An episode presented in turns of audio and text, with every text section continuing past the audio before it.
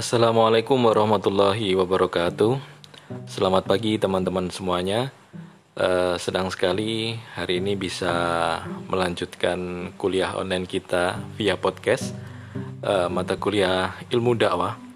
Uh, di kesempatan kali ini saya ingin menyampaikan satu tema yang saya pikir menarik. Hari ini kita akan berbicara tentang dakwah dan generasi Z. Uh, bagian ini atau tema ini masih berkaitan dengan tema yang kita bahas kemarin, dakwah dan media sosial. Uh, ini kita akan membahas tentang dakwah dan generasi Z. Generasi Z itu kira-kira ya generasi kalian lah. Kalian ini kan lahir di antara tahun 95 sampai tahun 2010 gitu. Jadi artinya kalian masih masuk di kategori generasi Z gitu. Jadi generasi kalian ini generasi Z, bukan bukan lagi generasi milenial tapi teman-teman sebutannya adalah generasi Z. Oke. Okay. Uh, eh, ini menjadi penting karena prinsipnya gini teman-teman. Kalau kita belajar komunikasi, hal yang kita perlu perhatikan adalah siapa lawan komunikasi kita. Jadi, cara kita berkomunikasi itu harus menyesuaikan cara berkomunikasi uh, uh, lawan komuni uh, kita harus menyesuaikan dengan lawan komunikasi kita. Kalau dengan teman-teman kita mungkin bisa santai gitu ya dengan teman-teman sendiri gitu. Tapi ketika komunikasi dengan dosen, dengan dekan misalnya apa bisa dengan bahasa yang selengean seperti percakapan kita dengan teman-teman kita sendiri kan tentu tidak Artinya, uh, cara berkomunikasi, cara berbicara, cara menyampaikan pendapat itu harus kita lihat siapa yang menjadi lawan bicara kita.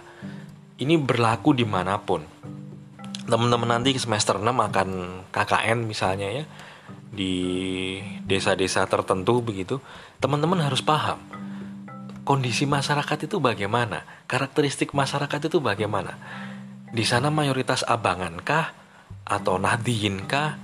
Atau MTA atau apa? Jadi teman-teman harus paham. Jangan sampai nanti karena teman-teman tidak paham gitu teman-teman salah dalam berkomunikasi begitu.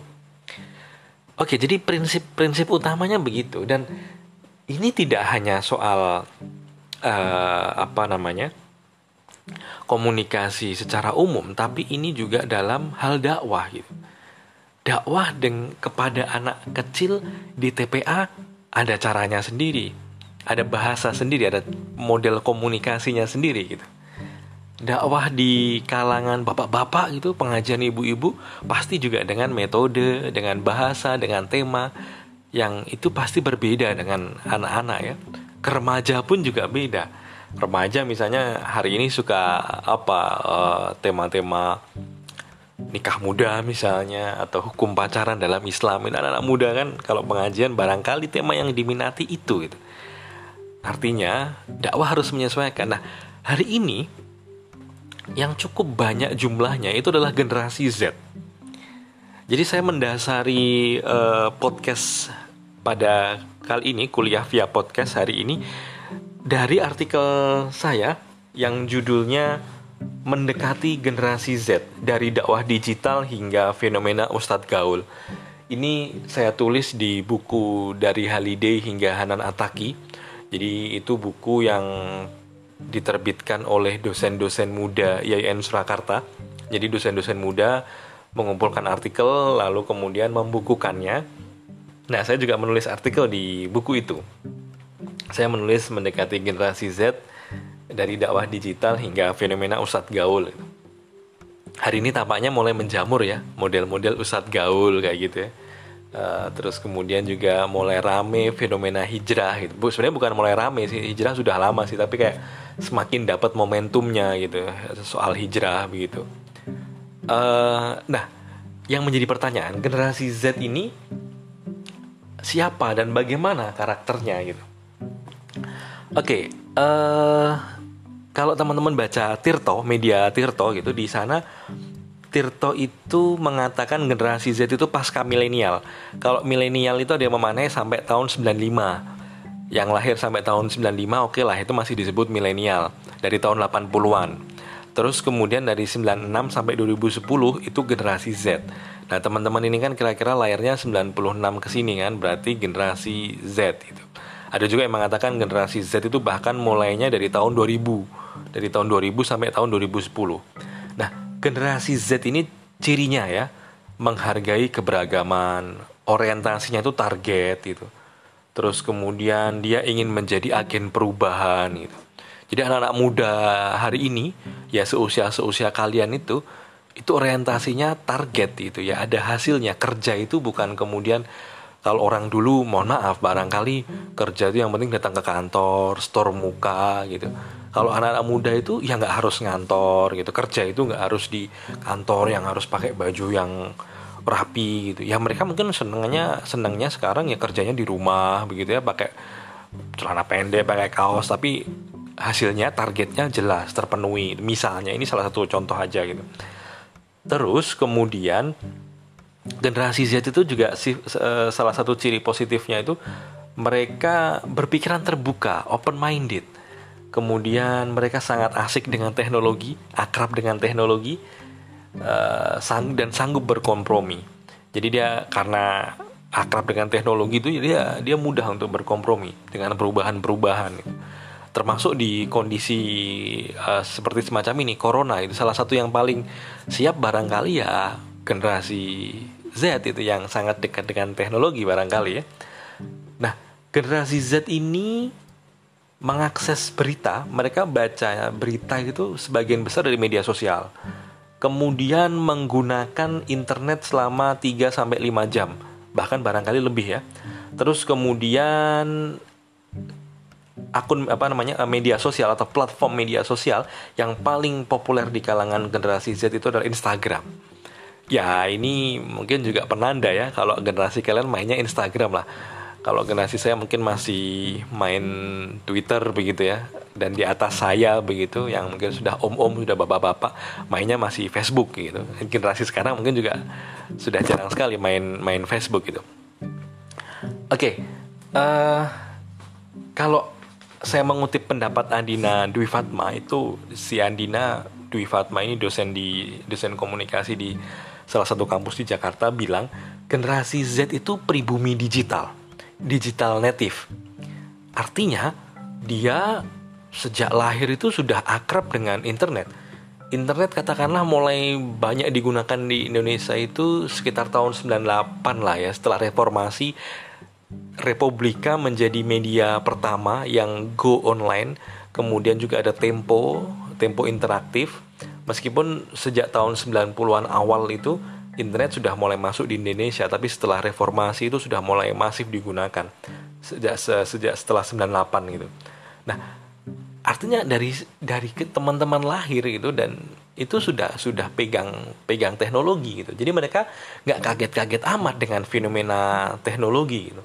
Nah, generasi Z ini juga generasi yang sebetulnya lebih tahan hoax.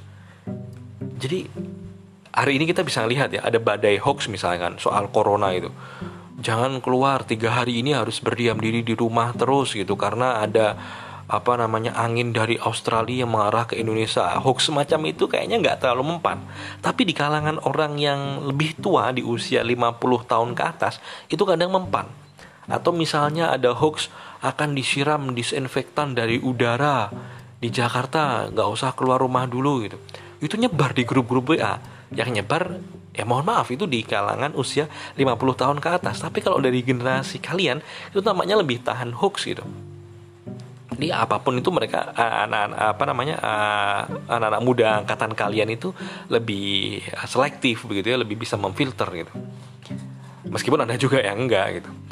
Oke kemudian generasi Z ini yang menarik adalah dia biasanya lebih tertarik kepada hal-hal yang unik, kepada hal-hal yang sifatnya uh, punya ciri khas, sifatnya berbeda gitu. Ini Andina Dwi Fatma mencontohkan dalam hal politik gitu. Jadi dia nggak suka tuh kalau di politik orang iklan politik masih pakai jas, terus jualan jargon-jargon, janji-janji manis. Generasi Z tampaknya sudah nggak suka. Dia lebih suka yang otentik, yang beda, yang yang lebih apa ya, yang lebih uh, punya ciri khas gitu. Makanya coba perhatikan. Saya nggak tahu teman-teman waktu tahun politik kemarin ngikutin nggak ya di televisi itu ada satu partai ya ini karena tahun politik sudah selesai saya ingin sebutlah nama partainya PSI ya inisialnya PSI lah kira-kira begitu nah PSI ini coba lihat iklannya iklannya itu kan sederhana sekali. Ketua umumnya Grace Natali cuma bilang Partai Solidaritas Indonesia begitu. Terus kemudian dia di akhir iklan itu bilang udah udah. Itu tampaknya remeh dan mungkin orang bilang wah apaan sih iklan kok seperti ini? Begitu. Tapi bagi generasi Z boleh jadi itu lebih masuk di kepala, lebih mudah diingat daripada iklan yang saya akan menyejahterakan masyarakat, saya akan apa-apa-apa janji-janji jargon-jargon. Itu nggak nggak terlalu disuka oleh generasi Z karena ya itu udah jadul gitu. Dan banyak politisi kan model-modelnya begitu. Terus pakai jas gitu kan. coba kalau ya ini sekali lagi contohnya PSI ya. PSI seragamnya itu nggak ada caleg-calegnya yang pakai jas gitu nggak ada. Pakainya jaket jaketnya jaket merah itu ini sekali lagi bukan kampanye saya nggak ada urusan apa pun dengan dengan PSI dan politik gitu. Tapi saya ingin mencontohkan saja gitu. Dia modelnya begitu. Atau coba cek gitu. Uh, dulu ada ya banner itu dipasang di mana-mana. Ada sosok namanya Romah Hurmuzi ketua P3 sekarang sudah di penjara sih. Dia pakai surban tapi nggak di kepala tapi dilingkarkan di leher terus kemudian dia pakai celana levis pakai jam tangan yang kekinian yang gaul begitu. Terus bajunya lengan putih digulung gitu.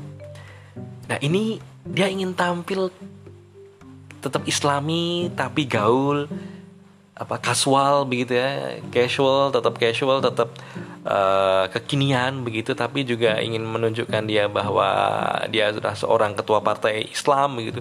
Ingin dekat dengan anak muda gitu. Dia ingin berbeda gitu Nah, dari ciri-ciri generasi Z itu tadi, sejumlah dai, kalau ini kita kembali ke ilmu dakwah ya, sejumlah dai itu juga melakukan hal yang sama. Yang paling kelihatan itu siapa coba? Hanan Ataki.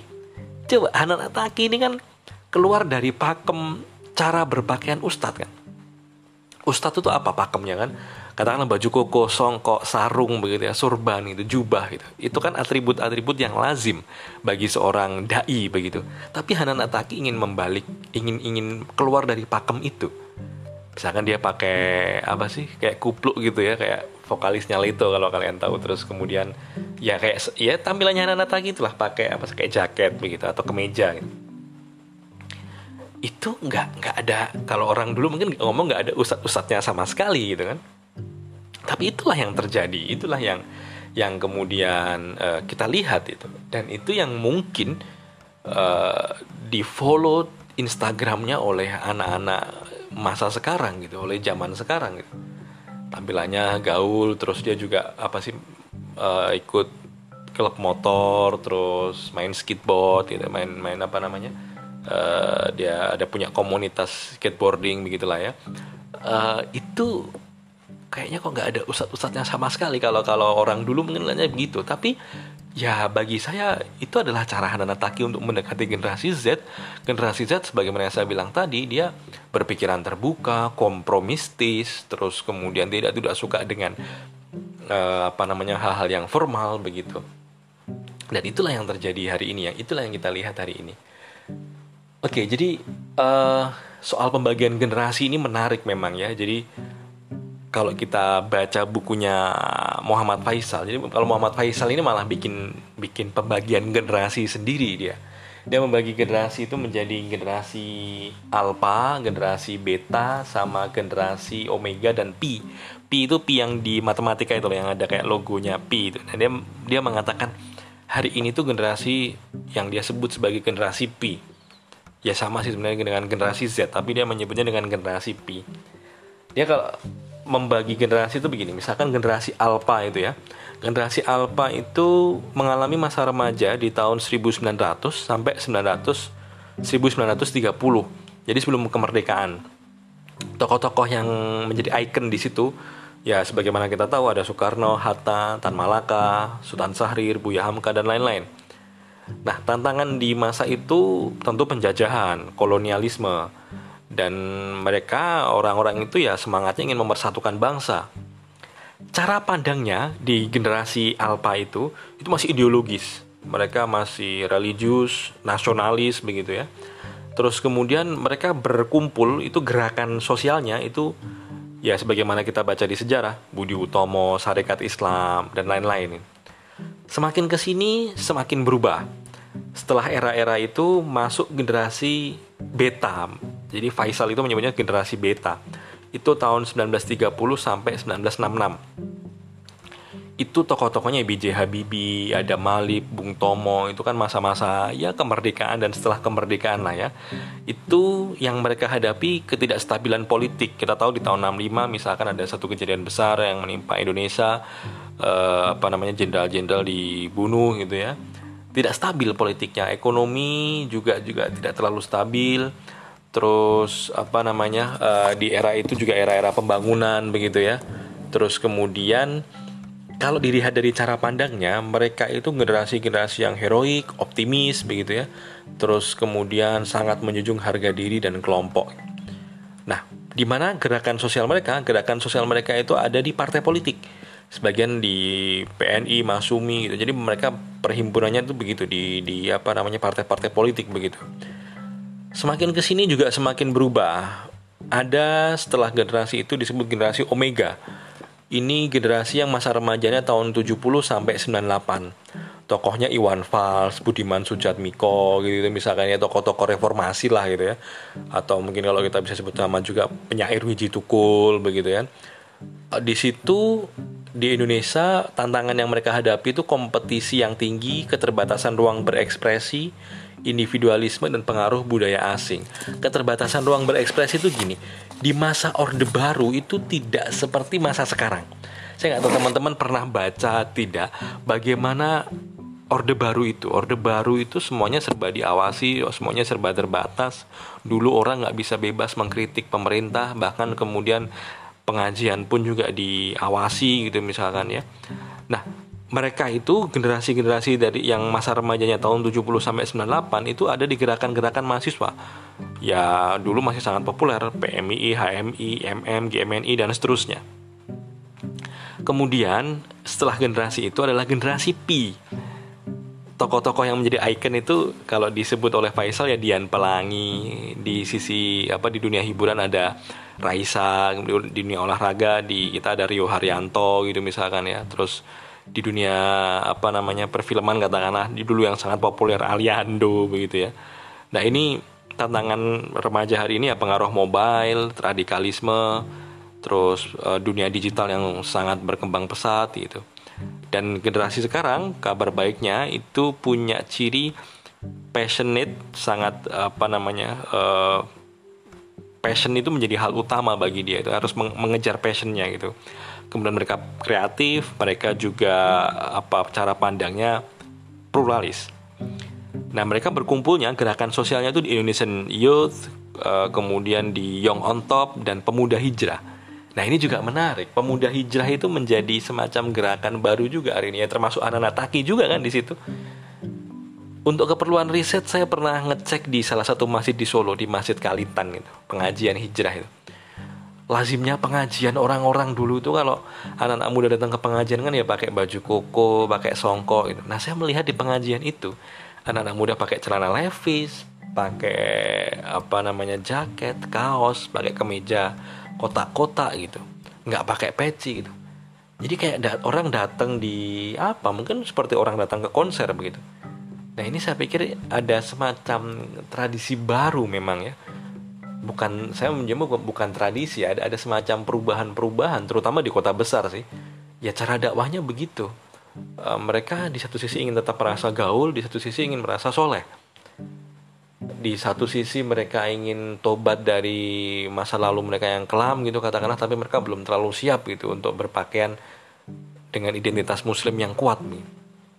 Jadi ya semacam itu. Generasi Z ini apa ya saya pikir menarik sekali untuk kemudian di amati itu. Karena ya karakternya sangat apa uh, cukup berbeda lah. Saya pikir cukup berbeda dengan generasi-generasi sebelumnya.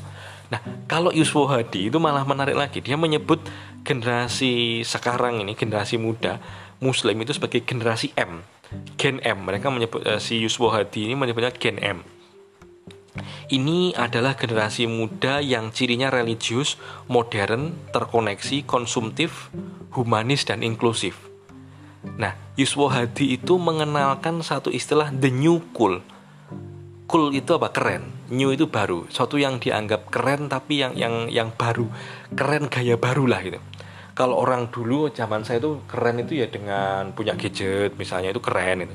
Kalau sekarang itu generasi muslim sekarang itu kerennya beda-beda. Misalkan gaya hidup halal. Dulu tuh pariwisata pariwisata aja nggak ada istilah pariwisata halal. Sekarang ada istilah pariwisata halal. Hotel ya hotel aja sekarang ada istilah hotel syariah. Hotel syariah itu yang biasanya kaligrafi di dalam kamar ada Al-Quran. Petugas hotelnya menyapa dengan Assalamualaikum gitu ya.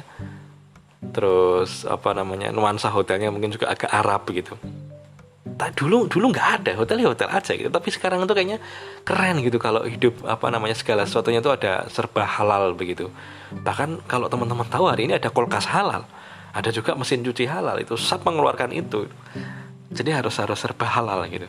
Terus kemudian istilahnya ada juga sedekah online gitu. Dulu orang sedekah ya sedekah aja gitu biasa aja gitu.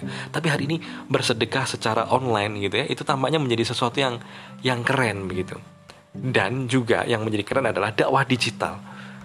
Sesuatu apa yang cool cool itu apa ya? Keren ya. Cool itu ya itu dakwah digital. Menyimak ustadz via YouTube menyimak ustadz via Instagram itu menjadi sesuatu yang keren. Kalau dulu ya orang itu cukup dengan ikut pengajian di di kampung-kampung misalnya atau di tablik akbar atau di mana di TV gitu atau di VCD begitu. Dulu masih VCD ya saya nggak tahu zaman kalian masih nemu itu nggak ya? VCD player kalau sekarang itu kayaknya yang sesuatu yang keren itu ya dakwahnya dakwah digital itu kalau nggak dakwah digital itu kayaknya nggak keren dan males gitu. Nah ini ini ini yang diteliti oleh Yusuf Hadi. Ini menarik sekali itu fenomena itu. Fenomena-fenomena tentang dai-dai yang barangkali ya dakwah digital itu kita kayak nggak saya pernah sampaikan ini di kelas ya kita kayak nggak melihat background dari si dai ini nyantri berapa tahun, pernah belajar di Timur Tengah apa enggak, dia belajar dulu sama siapa, tampaknya kayaknya nggak penting. Yang penting dia beda, yang penting dia populer, yang penting dia unik begitu. Itu kita suka gitu. Padahal belum tentu secara keilmuan baik. Nah, ini juga yang menjadi sejumlah pertanyaan teman-teman juga dalam diskusi di YouTube. Dai itu sebenarnya sama semua atau enggak? Atau kemudian kenapa dibeda-bedakan? Kalau kita baca bukunya Profesor Ali Aziz, dai itu kan dibagi tiga ya, mujtahid, mutabi, mukolid. Apa kalau saya menyebutnya level paling tinggi ini ya mujtahid. Dia bisa mengakses kitab-kitab primer, baca apa namanya Quran dan hadis itu dia punya pemahaman yang memadai begitu ya, baca kitab yang kitab kuning yang gundul itu udah biasa begitu nggak yang kesulitan gitu ini ini ilmunya memang luar biasa. Saya membayangkan kalau yang semacam ini tuh kayak semacam Gus Baha, kayak semacam Pak Kroy Sihab gitu ya. Ilmunya tinggi gitu, yang ilmunya luar biasa itu. Nah di bawah apa? Di bawahnya atau level mungkin nah, saya menyebut kalau level itu kesannya kayak ya gimana? Tapi ada di bawahnya itu kalau bisa kita sampaikan itu namanya mutabi, dai mutabi, dai yang ya dia masih harus belajar dari dai mujtahid. Artinya dia harus mendapatkan uh, dia harus mencari referensi lagi. Itu dia dia nggak bisa. Dia nggak nggak menguasai kitab-kitab gitu. Dia nggak bisa menguasai sumber-sumber primer gitu. Baca hadis itu dia masih mungkin bingung, masih sekadar mengutip lah begitu. Nah, yang terakhir itu ada dai mukolid. Dai mukolid ini dia sebenarnya tidak punya pemahaman yang mendalam tentang agama Islam, tapi dia mau mengajak orang kepada kebaikan. Kalau di bukunya Profesor Ali Aziz itu dicontohkan ada Pak RT nih, Pak RT ini ya cuma lulusan SMP lah gitu, nggak ada pesantren-pesantrennya sama sekali, nggak ngerti agama, tapi dia sering ngajak tetangga-tetangganya untuk sholat jamaah di masjid misalnya. Loh, sholat jamaah di masjid itu bagus ajakannya Pak RT itu ya nggak salah tentu saja. Tapi ketika Pak RT ini ditanya, dalilnya sholat jamaah di masjid itu apa? Atau dalilnya keutamaan sholat jamaah itu apa? Dia dia nggak tahu gitu. Ya lulusan SMP tapi dia tahu kalau sholat di masjid itu bagus dan dia mengajak tetangganya gitu. Ini ini tipe dai yang mukolit gitu. jadi silahkan teman-teman bisa membedakan ini. Tidak semua dai itu uh, sama gitu. Oh ini pokoknya kalau sudah dai sudah dapat label dai ilmunya pasti tinggi semua. Eh belum tentu ada orang yang mengajak kepada kebaikan ini pasti punya pemahaman keagamaan yang bagus itu belum tentu juga. Jadi uh, ya kalau yang paling layak diikuti bagi saya ya ya yang mujtahid itu yang ya syarat keilmuannya nggak diragukan misalnya ya nyantri lama terus mungkin sudah belajar agama sampai ke tempat-tempat jauh ke timur tengah misalnya nah, itu itu itu yang bagi saya uh, apa ya bisa menjadi kita bisa jadikan dia itu pegangan gitu.